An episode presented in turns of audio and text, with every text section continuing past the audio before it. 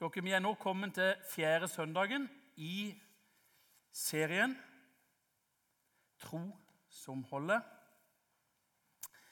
Eh, jeg skal ikke stå nå og si hva de Jeg ser Det er sikkert nye folk her i dag som kanskje ikke har fått, fått med seg sammenhengen her, men dette ligger på nett. Så der kan du gå inn og se hva de tre forrige søndagene handler om, hvis du har et ønske om det. Det er spennende. Jeg vet om andre menigheter som følger seriene her. Og hører det av og til når han kommer rundt, at de var så spesielt, og de traff oss sånn og sånn. Og det er veldig bra. Og så har vi da en leseplan som flere av cellegruppene nå følger. Eh, og der tema og, og bibeltekst er henta inn for å på en måte forankre oss litt i tanken i det som ligger i dette temaet. Eh, I dag, så i del fire, så vil jeg ta dere med inn i to bilder i tekstmaterialet på serien. To bilder som sier litt om hva som egentlig er bærende for at ei tru holder. Og Da vil jeg snakke litt om livsforhold og tillitsforhold. To viktige forhold som er avgjørende for troslivet som vi lever. Er det mulig at jeg kan få fram tekster der så jeg slipper å stå og snu meg når jeg skal lese bibeltekster? Jeg vil gjerne ha det på skjermen her foran meg til høyre. Vi skal gå til Johannes kapittel 15. Mens de finner det fram, så Jeg har ikke kontakt med dere bak. Nå er det der. Da snur bare og leser, så setter du fram på her fram etter hvert. Jeg er det sanne vintre, og min far er vingårdsmannen. Hver grein på meg som ikke bærer frukt, tar han bort. Og hver den som bærer frukt, renser han for at den skal bære mer frukt. Dere er alt rene på grunn av det ordet jeg har talt til dere.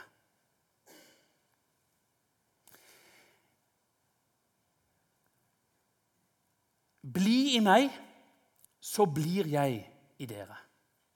Like som greinen ikke kan bære frukt av seg selv, men bare når den blir i vintreet, slik kan heller ikke dere bære frukt uten at dere blir i meg. Jeg er vintreet, dere er greinene. Den som blir i meg, og jeg i ham, han bærer mye frukt. For uten meg kan dere intet gjøre. Om noen ikke blir i meg, da kastes han ut som en grein og visner. Og de samler dem sammen og kaster dem på ilden, og de brenner. Dersom dere blir i meg, og mine ord blir i dere, da be om hva dere vil, og dere skal få det. I dette er min far herliggjort, at dere bærer mye frukt.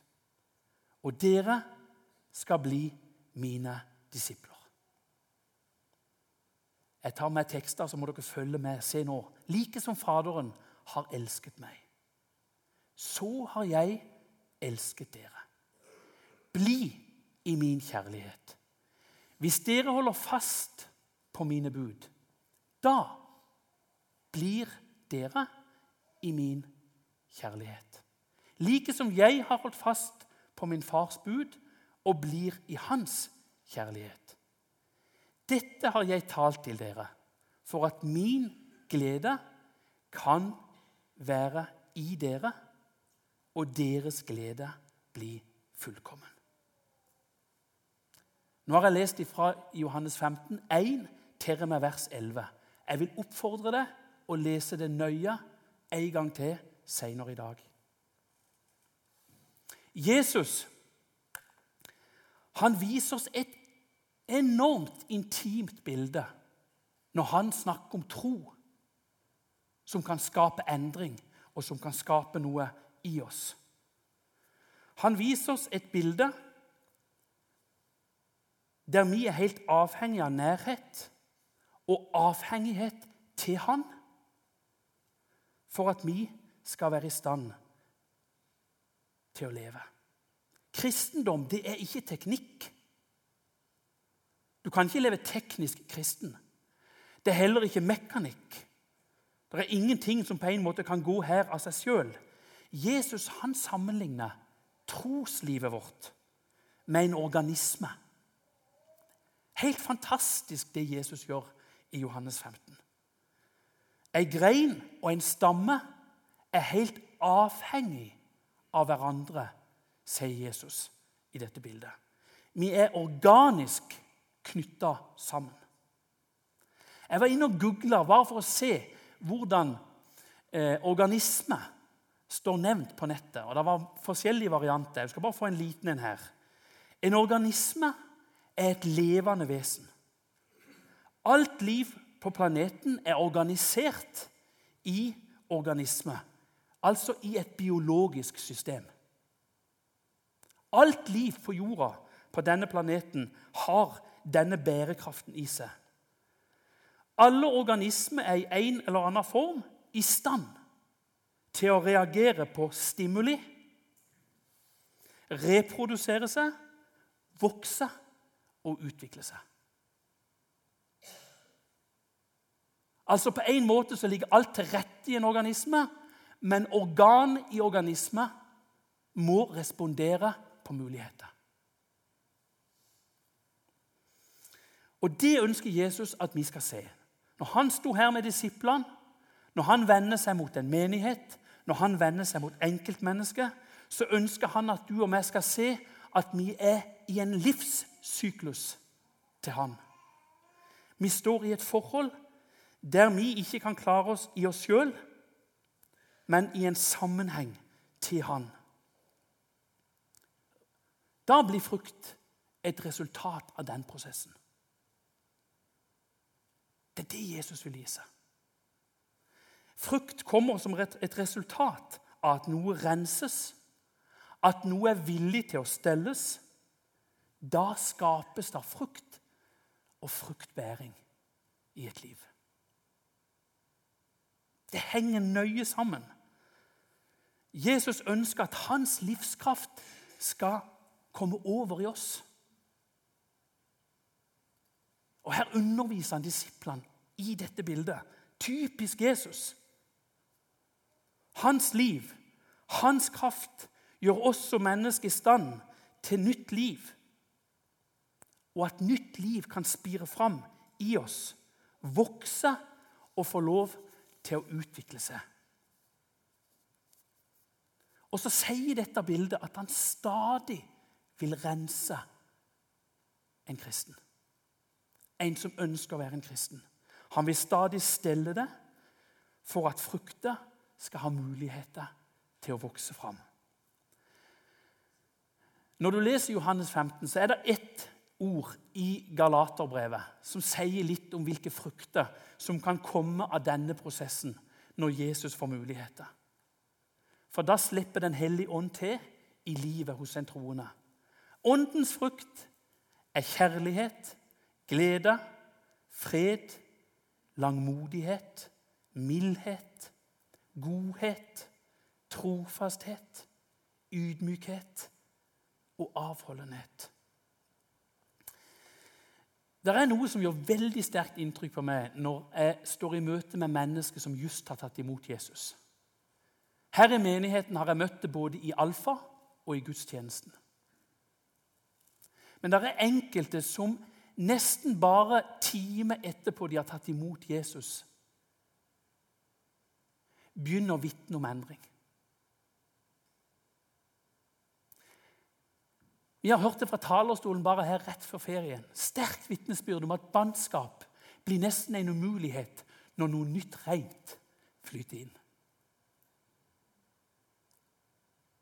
Det er endringsprosesser Gud starter umiddelbart når han får lov til å stige inn med nåde, tilgivelse og omfavne.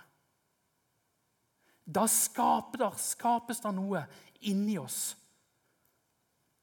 Mange sånne prosesser pågår i mitt liv og i ditt liv hele tida. Hver eneste dag er vi utsatt for noe i oss som foredles. Det er det Den hellige ånd holder på med. Hele tida så tar han noe rent og skaper en endring. Han tar tak i noe som må vekk for at nytt kan skapes fram og spire fram. Sånn jobber han i enhver troende hele tida. Og da begynner karakteren å endre seg. For det er egentlig det de av fruktene bekrefter. Karakteren i en troende endrer seg når prosessene får lov til å gå inni oss.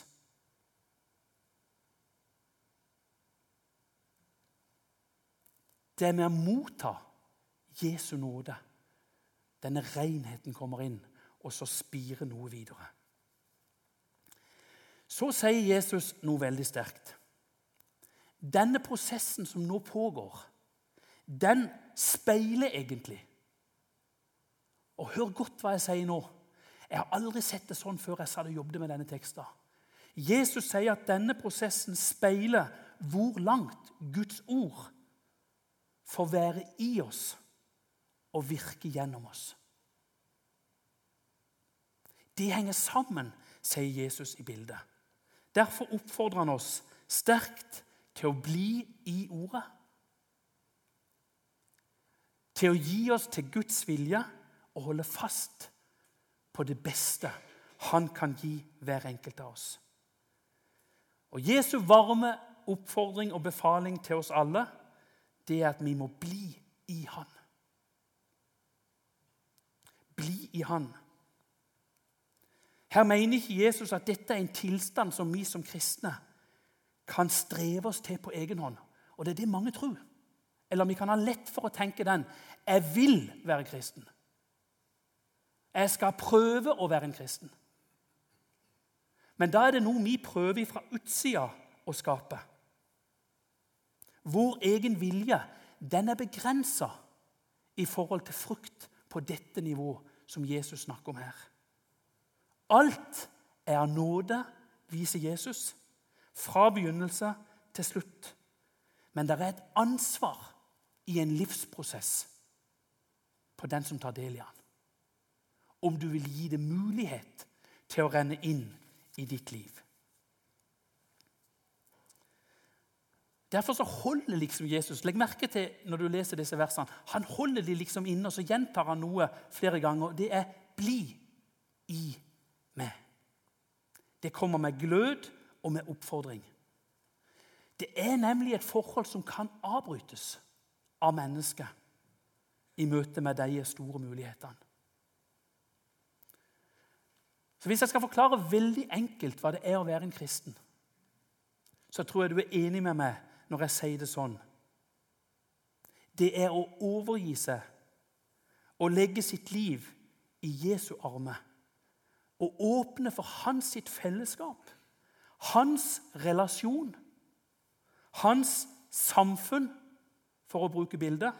Organisk nærhet. Det skaper livsforhold. Jeg er redd for at alle andre tilnærminger da blir det på en måte noe som ikke blir fritt, og noe som blir nært. Dere her, Jeg måtte ut i frukthagen i går hjemme og ta et bilde av et epletre vi har. Det er ca. 25 år, tenker jeg.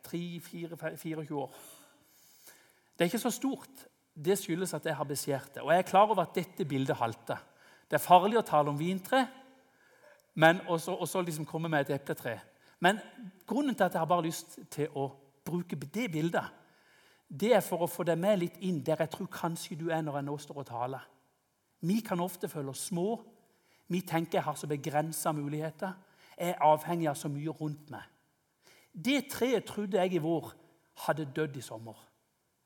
Når jeg så varmen kom, så så det relativt pjuskelig ut. Jeg hadde sett blomster. Bente var til å vanne litt, for hun var òg bekymra. Jeg har vært og beskjært det treet ganske mange år. Det er ikke jeg veldig dyktig på. Jeg har bare sett dyktige eh, folk, gartnere når de beskjærer.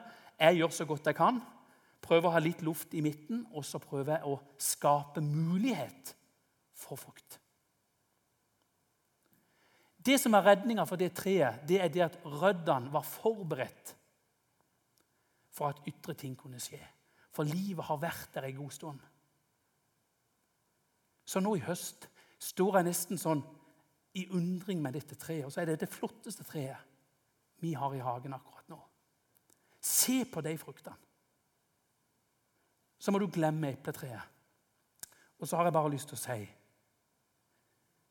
Det er forholdene du står i, som kan skape røde frukter i ditt liv.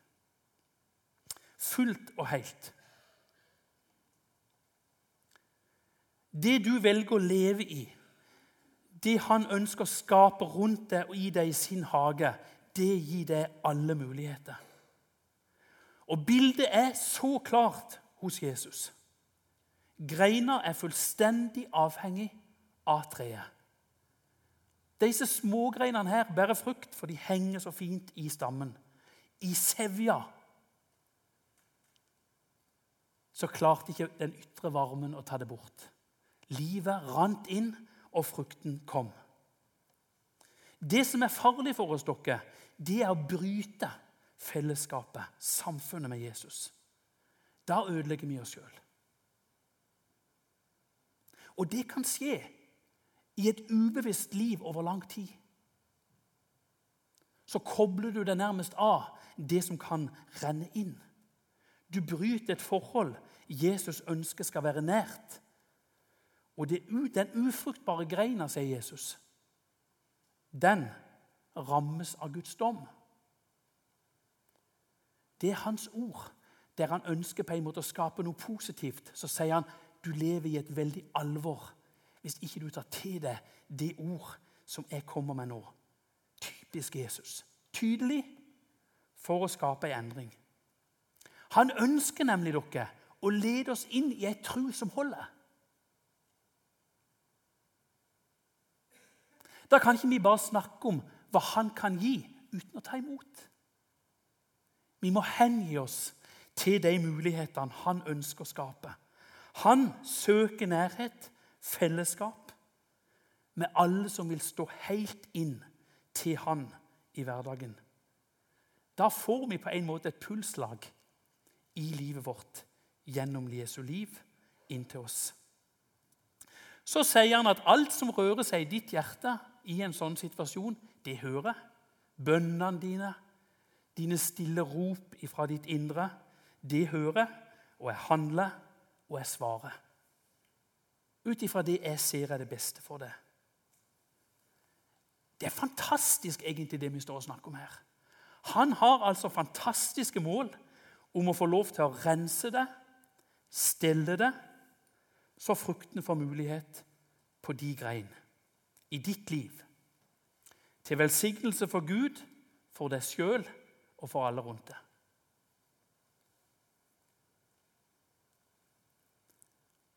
Det er det Jesus egentlig sier. Den som er villig til dette, han blir til ære for Gud og det Gud ønsker å gjøre i han.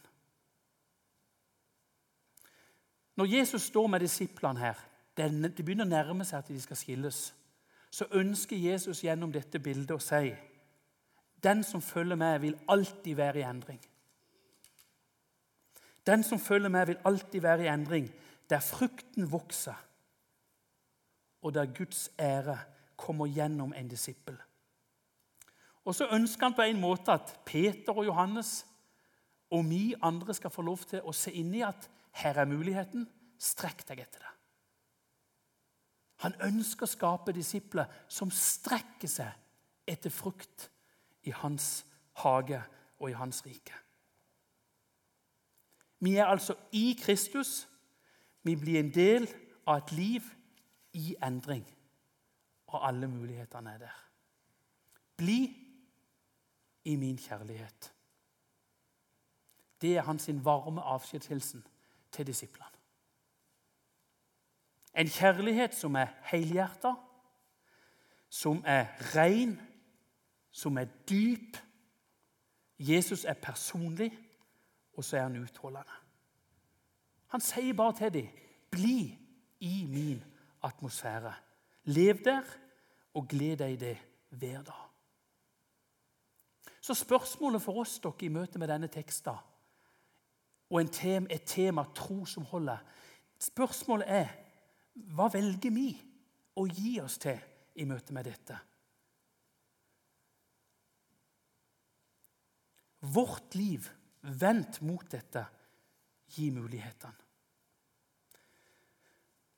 Det er ikke alltid når Jesus står og taler, at han gir befalinger, men det gjør han faktisk i Johannes 15. Når vi gikk på, norsk, hadde, gikk på skolen, så lærte vi at når du snakker i bydeform Når ei mor begynner å heve stemmen, når det blir liksom sånn, sånn, sånn, da heter det imperativ. Da vil den som sier noe, holde det sånn at han ikke mister det. Og han sier til disiplene, 'Hør, bli i min kraft.' Dette må dere ta imot i livet. Det er bærekraften for at noe kan skape, skapes i ditt liv Det er utrolig sterkt gjort av Jesus. Da kan han lede oss inn i et liv der vi kan eie, sier han, fullkommen glede. Og ei tru kan bygges opp som får lov til å holde. Jeg skal inn i et lite bilde til. og Det vi har snakka om nå, helt avslutningsvis her, det leder oss til det neste. Et livssamfunn er avhengig av at vi på en måte legger oss inn i det. I Johannes 10 så sier Jesus noe om hyrden. Og om, Han sier at han er hyrde, og så snakker han om oss mennesker som, som lam eller som sauer. Og Så bruker han et bilde her òg for å vise noe av det samme. Men her ønsker han å understreke avhengighetsforholdet veldig sterkt. Så jeg syns de to bildene står seg veldig bra i sammen. Han sier innledningsvis her at eh, han kaller sine ved navn. Han går nær oss personlig, og vi skal bli kjent med hans stemme. Og så sier han noe fantastisk. Jeg syns det er så flott. Vi skal få lov til å gå inn og gå ut hos han og finne føde. Han sier, 'Er du nær meg, så får du noe hver dag.' I alle muligheter. Det er jo dette David vitner om i Salme 23. Der kan du lese hvordan, hvor rikt han opplever det. Han mangler ingenting i et sånt fellesskap. Nå skal vi lese tre vers i forlengelsen av det vi har undervist så langt. I Johannes 10, 14 sier Jesus.: Jeg er den gode hyrde. Jeg kjenner mine, og mine kjenner meg. Like som Faderen kjenner meg, og jeg kjenner Faderen. Jeg setter mitt liv til for fårene. Så går vi til vers 27. Mine får hører min røst. Jeg kjenner dem, og de følger meg. Ser dere de kjedereaksjonene som kommer naturlig i et tillitsforhold?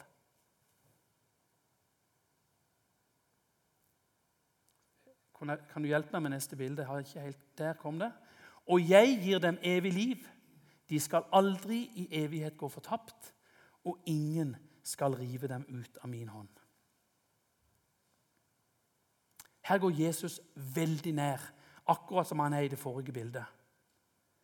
Han snakker om et tillitsforhold som skaper en bevegelse i oss. Dere, det går an å høre uten å følge. Det ligger i selve saken her. Og Det er derfor jeg tar med dette bildet òg. Det går an å høre om dette og velge å ikke følge. Rekkefølgen Jesus ønsker å skape, det er at vi hører, at vi tror, og så følger. Da stiger vi inn i omsorgen han snakker om. På den ene sida må vi holde oss til Jesus. Det største alt står faktisk i det siste verset her. Han holder seg hele tida nær til oss. Det står aldri på han. Ingen kan rive oss ut av hans omsorg. Men det ligger et ansvar hos oss i å stå i omsorgen til Jesus.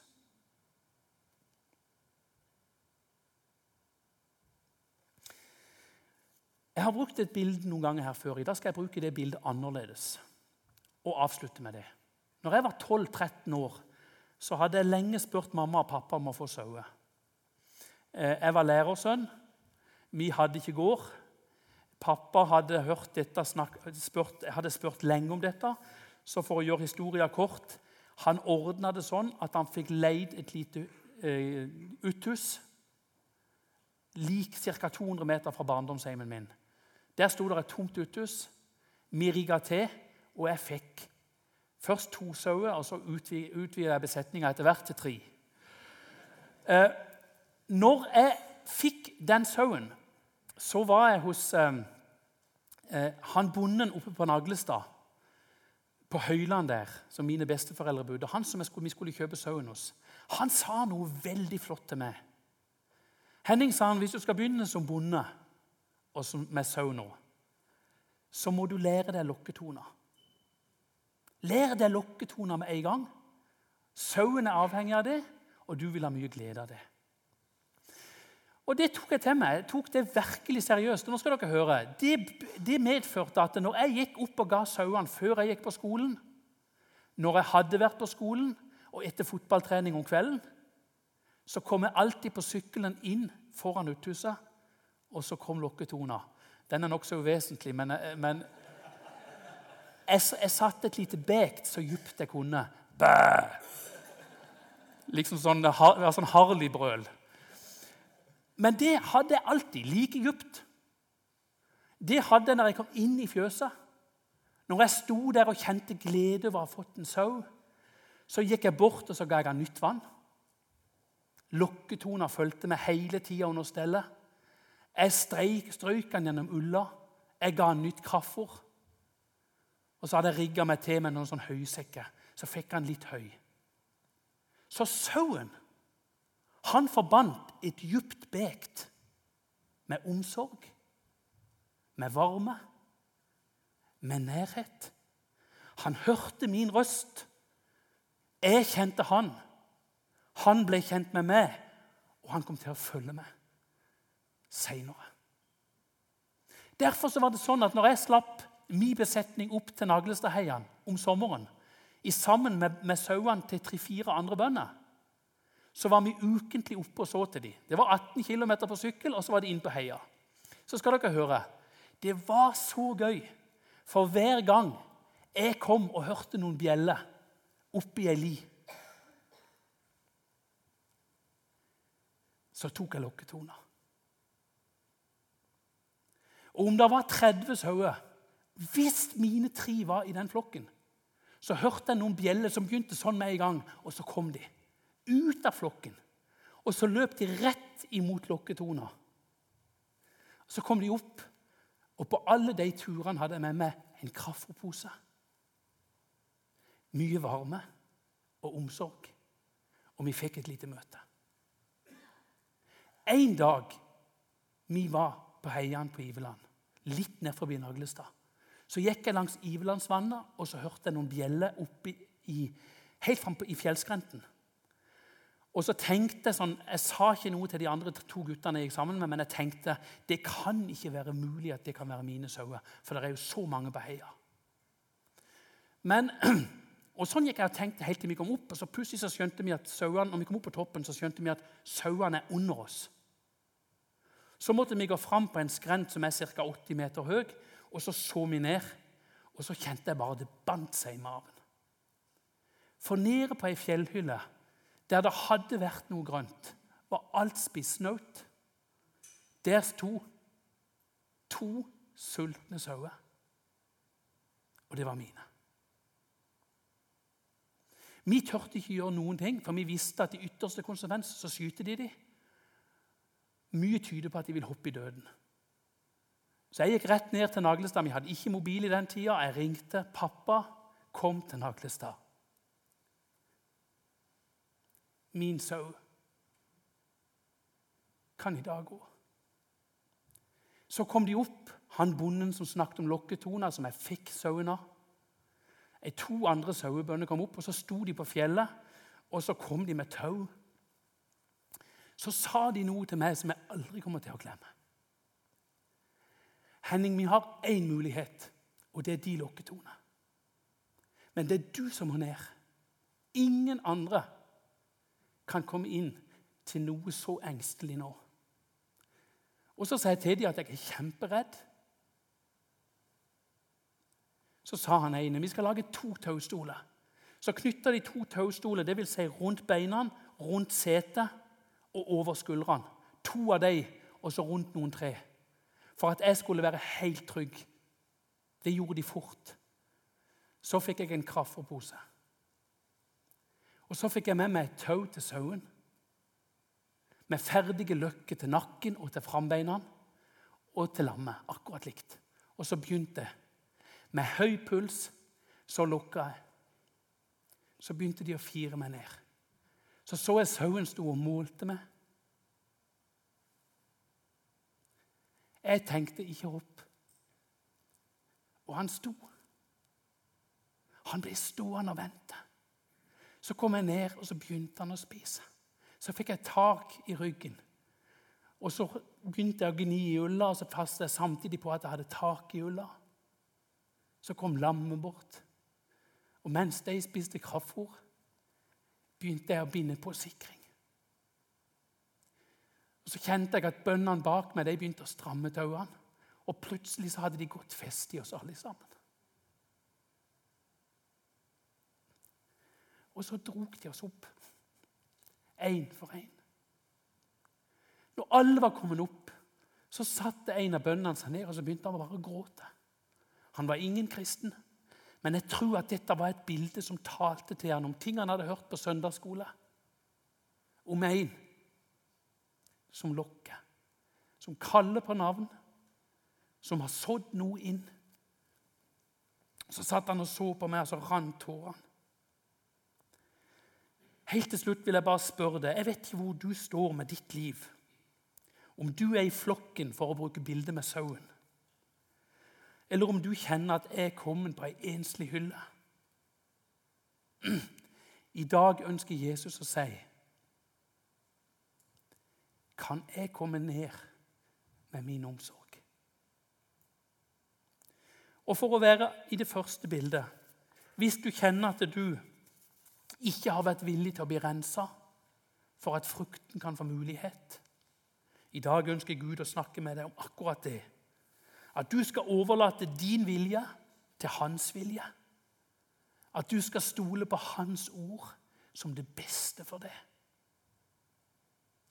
Han vil bare sine det beste. Slipp kjærligheten til. Da kommer frukten av seg sjøl. De går på et livsforhold og et varmt avhengighetsforhold. Kjære Jesus. Takk for at du er her hos oss nå. Takk for at du kan skape ei tru som varer i oss. Og så ser du Jesus i møte med dine store bilder. Så ser vi veldig mulighet i våre liv.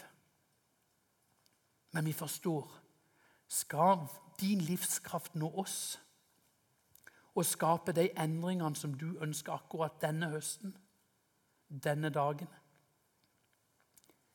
så må livskraften få lov til å nå. Sevjen må inn i våre liv. Vær med hver enkelt som har lytta Jesus. Skap noe nytt. Jeg ber om at det må spire fram Jesus, så vi kan gi oss helt til en relasjon og til en tru som holder. Amen.